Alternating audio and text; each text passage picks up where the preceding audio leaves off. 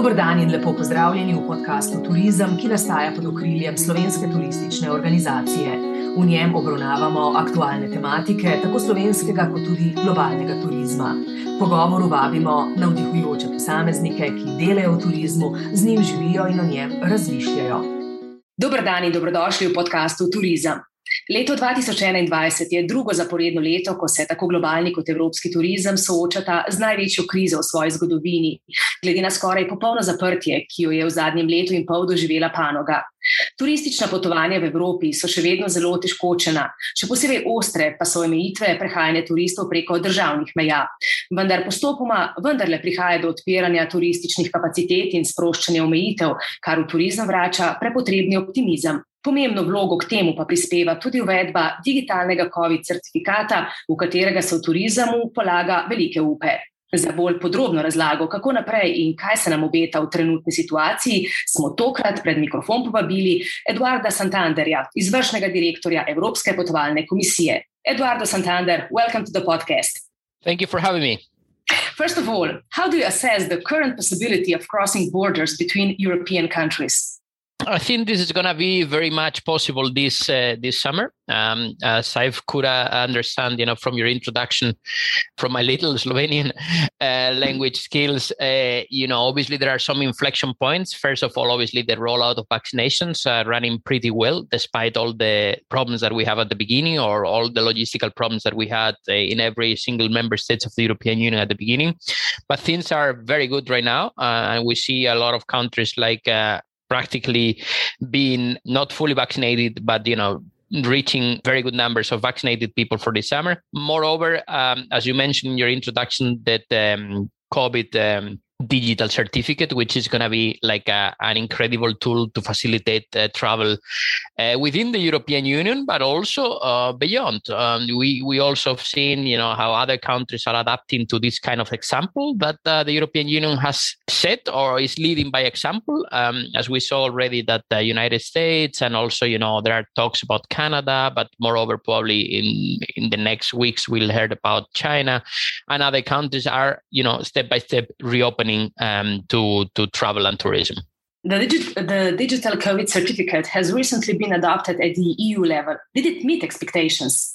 I think so. I think it's been remarkable fast. You know, it, it was something that uh, uh, we were praising for uh, almost uh, 12 months that we needed a coordinated, harmonized approach in the whole EU bloc. We couldn't go the way we did it last year with unilateral, bilateral uh, decisions, agreements between countries, corridors, and we could not continue this kind of uh, patchwork of uh, measures with quarantines, uh, with the test and so on. You know, that was far too complicated. It created frustration and it created a lot of demotivation to travel. I think that this solution, uh, it is not only good for the leadership of, of the European Union within the world, as showing that Europe as a destination is going to be the first opening as a bloc, as a region, but also for, for the citizenship. You know, we now have a tool, you know, to freely travel again and also, you know, travel safely.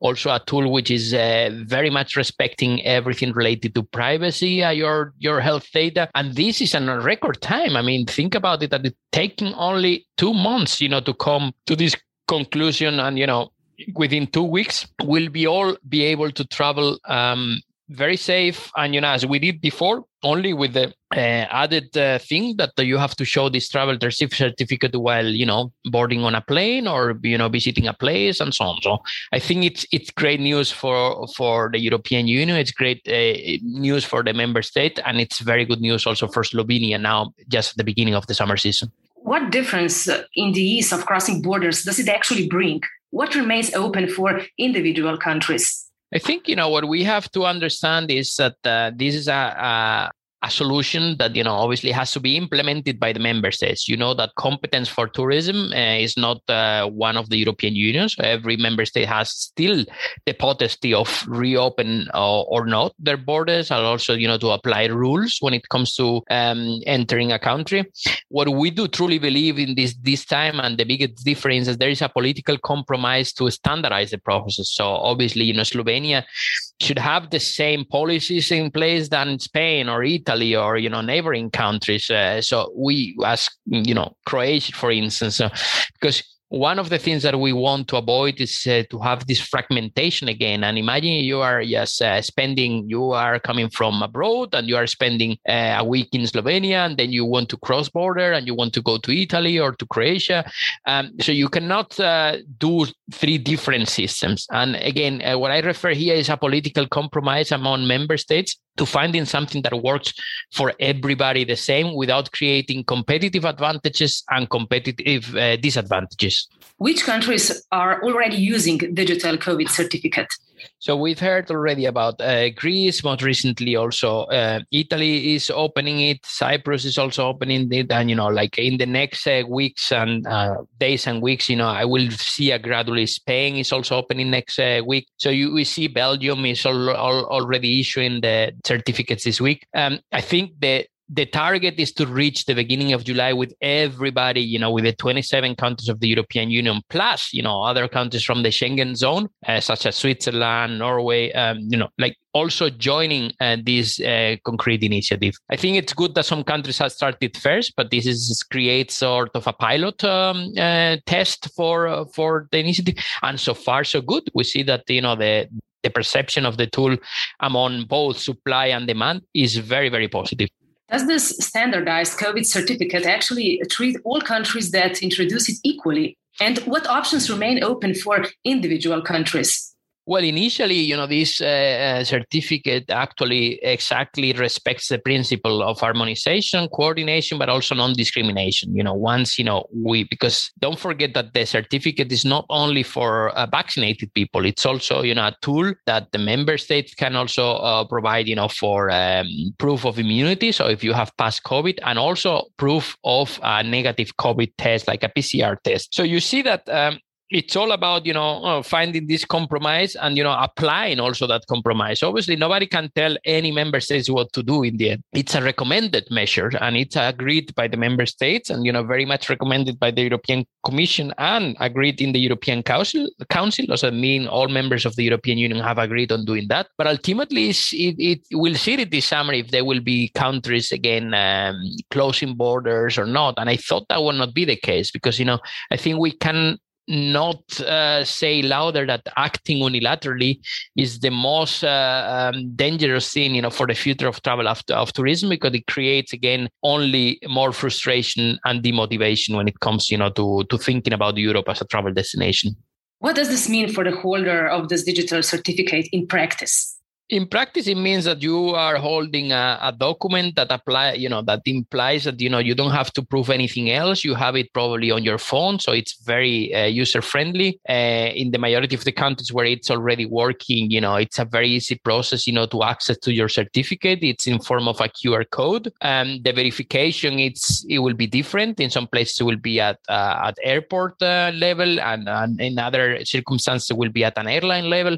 But also you know we uh, we'll see if also this will be um, applicable also for attractions or for instance you know cultural events or, or uh, you know historical sites that they will use also a qr uh, reader approved by the government you know to prove the, the validity of a, of a certificate. What it implies for the user it's obviously once uh, you can travel not only more safely but only much more comfortable you know as, as you know that you have passed all the requirement to enter the country and you don't have to demonstrate any kind of paperwork. There's less queues there's less controls and meaning. However and i insist you know we are not out of the woods yet. So and some people are still not vaccinated. There's still risk of new variants. So i, I appeal here for people to keep um, conscious uh, consciousness about you know that we are still within a, a pandemic uh, disease uh, and that we have to all all of us have to show uh, citizenship this summer while behaving properly on holiday. What data will be collected on the certificate and how will it work? You mentioned before QR codes. Yeah, so the data is very clear. The COVID digital certificate uh, can uh, hold three different kinds of data. One is a proof of vaccination that it's obviously linked to a database from each member state. The same is, uh, is allows to um, upload proof of uh, immunization from also from the health authorities of the member states. For instance, you have passed COVID and therefore you have developed immunization, so you are no longer uh, dangerous or contagious. And uh, mm, the third one is is you can also upload the PCR negative uh, PCR test. Uh, the biggest difference here is that we have a centralized tool for all all three um, documents, and it's also passing you know this harmonized and uh, coordinated approach that each member state will share this data among each among them without putting any any jeopardy in the privacy of this data. So people should not be afraid of that uh, uh, personal um, data will be passed to third parties or whatsoever. The digital uh, certificate only gives you information which is green or red, meaning that you you have it or you don't have it. It doesn't tell anybody which kind of vaccine or whatever you have done. Eh, this is you know what eh, the fear of people have about the certificate are not justified. It's really a tool for those willing to travel, willing to travel safe, and willing to travel as soon as possible. 2021 is the second consecutive year in which global and European tourism are facing the biggest crisis in their history.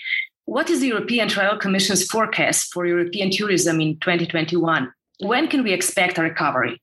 Well, we're going to start seeing recovery this summer already, but this summer is going to be a very particular one. We we know that there is a lot of pent up demand um, within the European Union, so a lot of Europeans are very eager to travel this year. We we ran a sentiment index last week, so it said more than seventy percent of Europeans will are planning to travel this summer, and uh, the vast majority of them are planning to travel even outside of their countries. But what I always say that our forecast is uh, looking into beyond the summer. I think this summer season is going to be extended one, looking into the fall, September, October even. And it requires a little bit of organization also at a stakeholder level, uh, meaning, you know, also hotels and operators and attractions and Slovenia, for instance, you know, where you always have a very uh, strong summer season, but also winter season. I think this year there's going to be something in between, so a lot of uh, demand uh, from um, third countries like US and probably Canada, Brazil, China will be coming in a later stage because probably maybe they won't be ready to travel yet in the summer.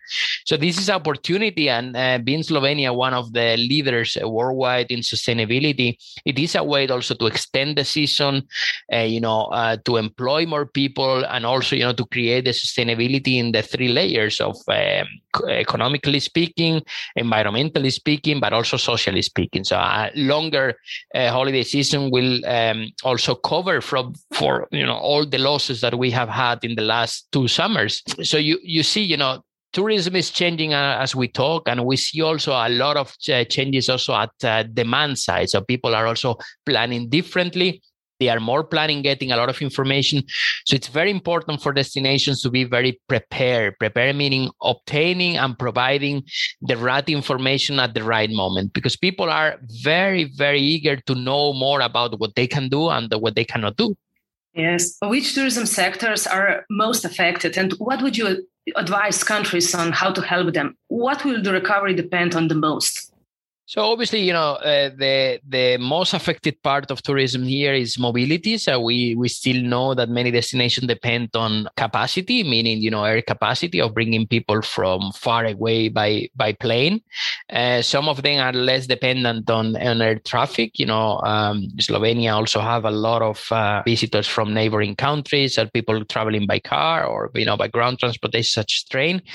Um, but definitely, you know, there is a huge dependence on mobility policies here. So we'll see that um, this can create this summer a little bit of, of a bottleneck. As we know, the whole aviation industry is suffering a lot uh, because of this crisis, and they couldn't reactivate all routes that they had in the past. And, you know, we see that that's changing also very dynamically. There is a little bit of volatility there. So I think one advice that I can give is to be in touch uh, also with the airport authorities and with the airlines to see, you know, what are the plannings in the next uh, weeks, because things may change very, very quick according to opening or closing scenarios. And, you know, um, also working about image, because a country such as Slovenia that has done so much in the past, you know, to present itself as a very sustainable destination, it's also important to link this issue sustainability with uh, you know with this transition period that we're going to have between covid and post covid era uh, of tourism.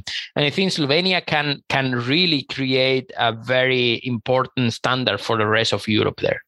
You mentioned mobility but also MICE industry is one of the most affected sectors Yeah, I think the MICE is something that it's going to be recovering much lower. As we know, obviously, there's a lot of uh, uh, question marks about the, the MICE sector and how important is to meet presentially, but, you know, how necessary are some meetings compared to others that are not. Um, so I think this is something that it's not uh, going to disappear. I'm sure that the MICE sector will survive, but it's going to change. It's going to have a, probably a turbo transformation, meaning that uh, we have to think about in the next 18 months, you know, what kind of uh, business travel we want to have in the future. What is necessary to be kept? You know, how can we adapt also the infrastructure like congress centers, hotel infrastructure, even attractions, you know, to this new demand that can be also uh, driven you know by research and see okay what is uh, uh, the future of the mice uh, industry which is something that is very much uh, questionable now and it's not only important for slovenia but so many other countries particularly in the off season um, period you know when we see the you know when there are less um, seasonal holiday makers you know what happened to um, to those hotels that you know are empty and they normally leave out of uh, the business traveler. So i think here we have to have a very honest dialogue and see you know how can we solve this also not individually but collectively as european um, region and a european union. Could you estimate how many jobs in european tourism will be lost and how many companies will go out of business well, it's a very difficult estimation, and I would not be able to give a figure. But you know, the the latest research from WTTC, for instance, states that uh, in case of an scenario of a very bad summer again, it will be around 11 million jobs, you know, in Europe uh, lost uh, in travel and tourism. Um, I don't think that scenario will happen. I think there's going to be a, a, recovery. It's going to be a slow recovery, but it will be one. And uh, you know, we'll see. You know, we will we'll have to assess. You know, the impact of COVID um, in a later stage. Now we are in a moment of optimism, you know, of reopening, and I think uh, reopen safely. And we have to think about what we can change to make this industry more resilient and also more, uh, let's see, stronger for for the future because we know that this may be not the last crisis that we we're going to pass as a sector. Will there be ownership uh, reconstructing in tourism and what kind? I think there's gonna be a lot of ownership. And I think what one of the things that this crisis has demonstrated is, you know, the travel and tourism industry is very vulnerable but also that the economy is very much dependent on on the visitors economy on people you know traveling around. Um, so i think the most important thing is uh, for um, for now for the reconstruction and you know to um, build back better is to understand that tourism is a very important part of the economy and very very important part of the society. Being a sector which is very transversal and you know affects also you know agriculture transportation social aspects so we have to in, insist in um, um, providing governments with tools, with uh, performance indicators to include tourism in their planning and the medium term, but also long term plannings uh, for uh, for the economic reconstruction. What changes have you noticed in the expectations and shopping habits of European tourists? Oh, there's been a lot of changes. Of course, you know, people now are much more conscious about what they want and, you know, what they want to do during the holidays. First of all, because they haven't traveled for a while. So the experience that they want to have uh, this summer has to be a very positive one so that people keep uh, their interest about this industry and also willing to spend money, uh, you know, in a particular destination. Hence my call or my appeal, you know, to be very transparent, very uh, important for destinations, you know, to communicate very good, you know, not only with demand, but also with supply supply. Because it's at supply level where the experience happens. And we know that for instance you know you have hotel is treating well uh, uh, you know a guest you know that will reflect also in the in the reputation of the destination. Uh, but the biggest change is that people are now getting um, much more conscious about their own decisions and getting better information about what they want to do um, since uh, you know it, it, it, has been required because of COVID. But that way of doing uh, or to book in travel or to look into into future planning of of tourism, it's it's to be here to stay. So I think this is one of the biggest opportunity that we have as a sector is that we are starting a transition that cannot go back. You know, this transition is here to stay. Uh, clearly, tourism will be very different than it was pre COVID. What is rising the most in importance? Is the safety, sustainability, or something else? I think the, the, the most important thing is to recover trust and confidence. You know, an industry that came from 100 to zero, you know, has to recover from the heat first, also creating a sense of security, safety, as you said, that's important. But then, you know, creating also like a, an atmosphere and an environment of, you know, of, of something which look into the future for future generations, but also, you know, looking into the wellness, not only of the visitor, but also the local population. So we always say that uh, we have to create better place to live so they will become better place to visit. So it's not only about the tourists it's about also the local people getting involved. If whole civil society should be involved in the process of um, building back the new uh, future of travel and tourism. Local pe- local population is becoming more and more important isn't it it is very important because they are not uh, a tangible uh, object of your destination. It's something that you know uh, eh, it's important to keep them on board when it comes, you know, to tourism development, new products, uh, you know, new communications, because you know it's a local community that then caters from the for the tourists. You know, it's the one you know uh, being the host, it's the one serving the food, it's the one providing the service. So you see that you want to have uh, happy people serving other happy people. If you have a dichotomy of people being, uh, you know, treating bad, uh, you know, economically speaking, with low salaries, with uh, low expectations for a career. Hence, the most important thing also for the future of tourism is the uh, upskilling of, of the sector. You know, we need to invest in in having high qualified people staying in tourism for a long period and not only you know as a student job or something to get them afloat. Here you know we need uh, really important uh, policies also to create right labor environment for uh, for tourism with a with a equal pay with a fair pay for for uh, and also you know to fight seasonality. As we know you know many of the european destinations suffer from uh, a lot of seasonality and people obviously change too much and they don't return to jobs. So we have to create this loyal for both uh, the visitors you know to come back to the destination but also to your demand uh, sorry to your supply to the people working in the tourism industry should also be loyal to the place places they work while being um, incentivized, you know, with good salaries, uh, with upskilling opportunities, and also like a good career pattern. In the light of importance of local population, is the European Travel Commission considering proposing different key performance indicator to measure tourism performance and which ones? Uh, definitely, you know, we are working now, and Slovenia is very much a pioneer on this, on creating a new set of uh, uh, performance indicators, much more focusing not on quantitative factors, you know, like uh, numbers, or you know, we don't have to measure that. We have to measure something more complicated, which is you know, like uh, self qualities of a destination, as creativity, persuasion, collaboration, adaptability. You know, uh, we we see that all those factors in, involve a decision are involved in the decision making process of a potential traveler to a destination. Those uh, indicators have to do also with qualitative uh, values of a destination that are, are not also so easy to measure. You, you can measure easily how many people come to the destination, how many bed nights they spend, how many hotel bedrooms you have, and so on. Uh, but you know, we need to work also with other sectors, you know, such, such uh, telecommunication, also health authorities, demonstrating you know how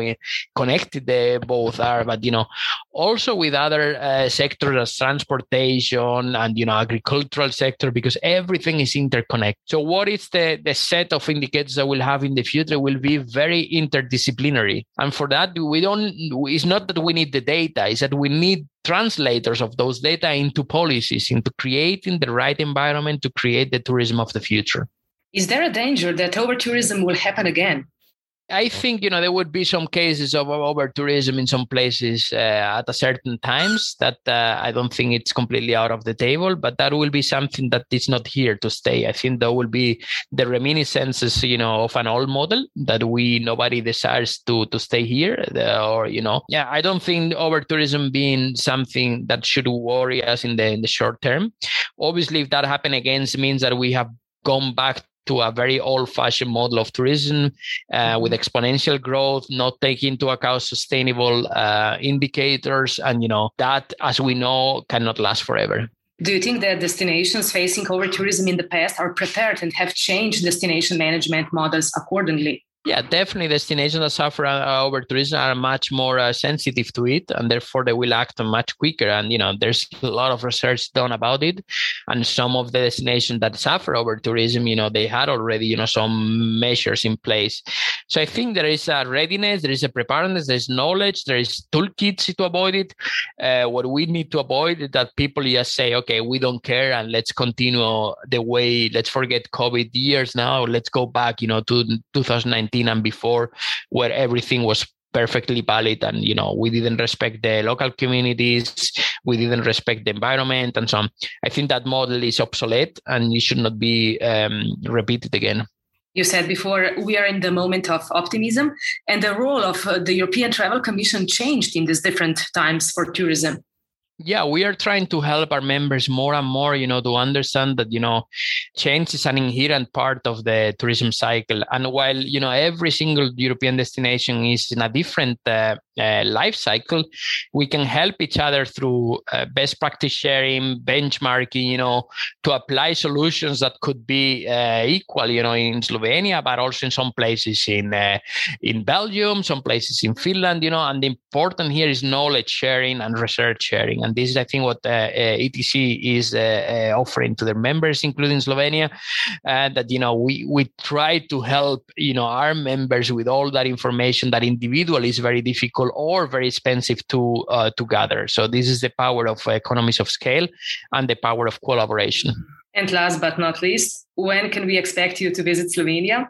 I heard in November. Well, we are going to be there very soon. And the end of November, we're celebrating our general meeting and board of directors in, in the beautiful capital uh, of Ljubljana. So we, we're going to be there very, very soon. And uh, we are, or I'm very, very much looking forward uh, to visiting your beautiful country again. I've been there a couple of times, but I've, uh, I'm, I'm just counting the days to be surrounded by the beautiful nature, the beautiful people, and the beautiful places Slovenia. You're more than welcome. Eduardo Santander, thank you for the interview and goodbye. You're very welcome. Thank you. To je bil podcast Turizem, ki je namenjen vsem, ki turizem živite, delate in ustvarjate. Tokrat smo imeli v fokusu Eduarda Santanderja, izvršnega direktorja Evropske potovalne komisije. Hvala vam za poslušanje in vabimo vas k deljenju epizode tudi prihodnji teden. Srečno!